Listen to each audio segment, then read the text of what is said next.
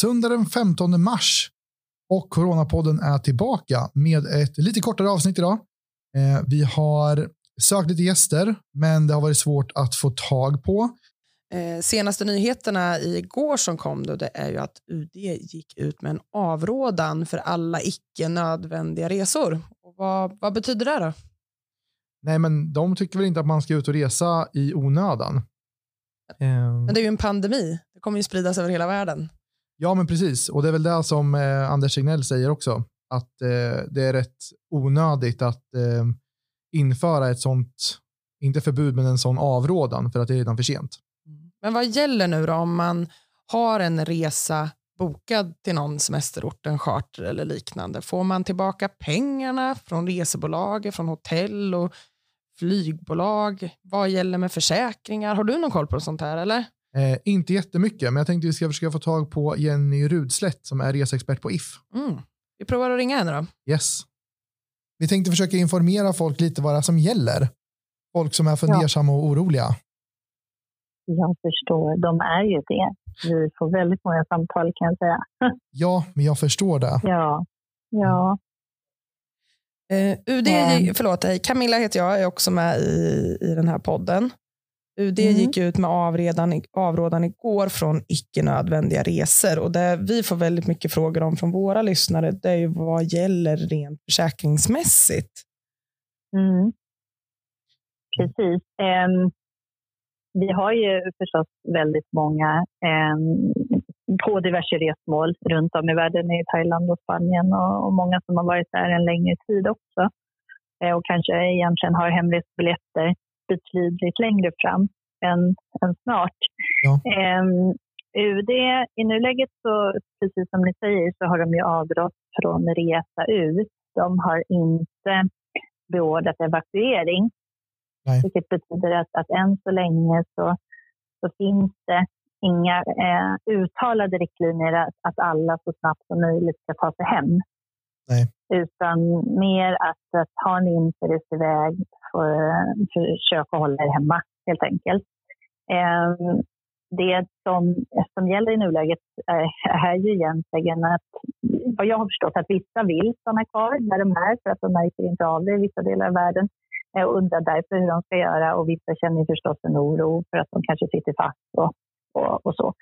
Eh, och I första hand så, så hänvisar vi till researrangör och flygbolag därför att de också nu eh, har gått ut och sagt att, att de försöker ta hem folk och SAS öppnar upp för, för ombokning och avbokning och så vidare.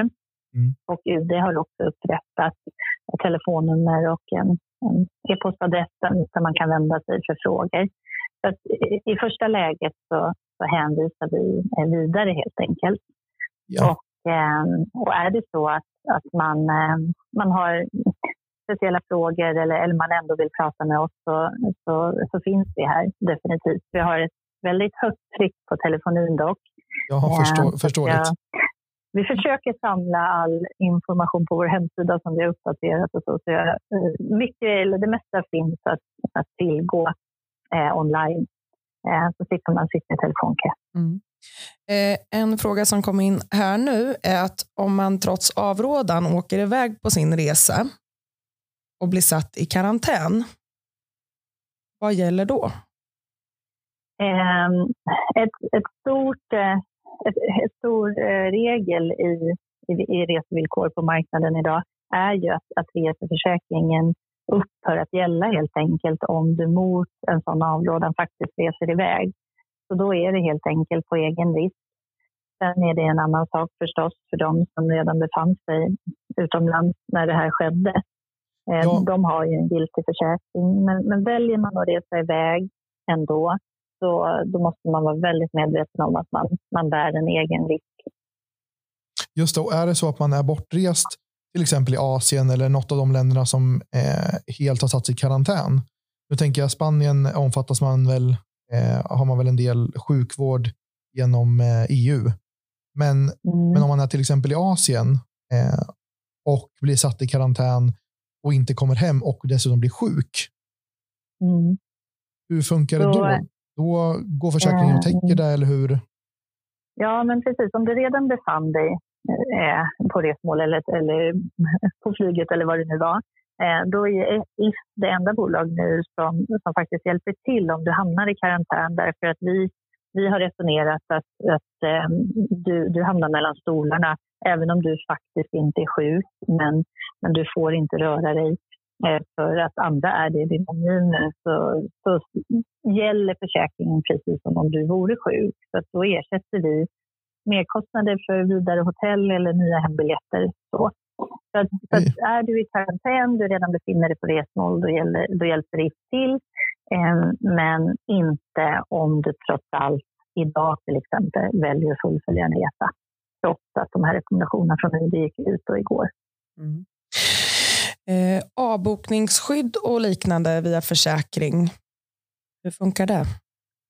Det är, det är rätt så enkelt faktiskt, därför att det gäller om du är akut sjuk och inte om du är orolig för att bli sjuk eller för att eh, flygen slutar att gå eh, eller för att till exempel USA och, och, andra länder stänger sina gränser.